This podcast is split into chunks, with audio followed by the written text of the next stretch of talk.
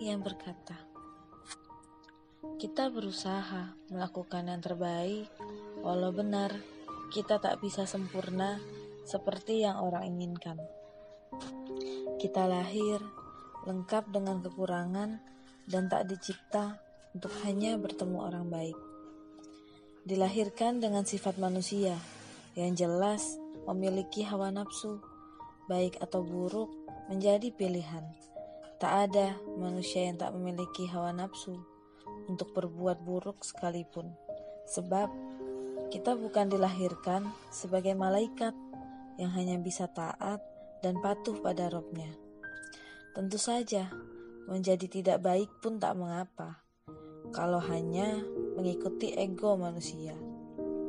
Tapi, konsep baik sudah diciptakan oleh Tuhan dan dicontohkan lewat suri tauladan, yaitu baginda Nabi Muhammad Shallallahu Alaihi Wasallam. Mungkin dari sinilah kita memahami makna dari malu yang dicipta. Malu menjadi tidak baik karena ada manusia baik. Malu egois karena ada manusia yang taat. Malu untuk kecewa karena sudah digariskannya ujian. Katanya, Tuhan selalu menguji hambanya dengan cinta. Tak terlihat bukan berarti tak ada. Kadang, cinta harus dirasa dengan berdiam sejenak dan berpikir akan kuasanya Tuhan atas segala yang ia ciptakan bahkan hembusan nafas yang tak nampak. Menghembuskan nafas dan menemukan jawabannya. Bahwa untuk menemukan cintanya, haruslah melewati syukur, bahkan saat terpuruk pun selalu ada Tuhan dan syukurnya. Tak ada manusia yang ciptakan tak punya hati, tak ada manusia yang diciptakan setengah hati.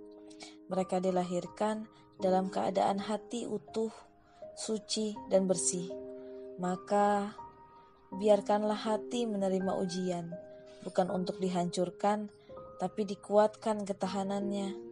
Biarkan hati gampang tersentuh, bukan dilemahkan, tapi ditunjukkan bahwa kelembutan, simpati, serta empati lahir dari hati yang tulus dan lembut yang terlatih. Maka, ajarkan aku mengerti konsep hati sekali lagi.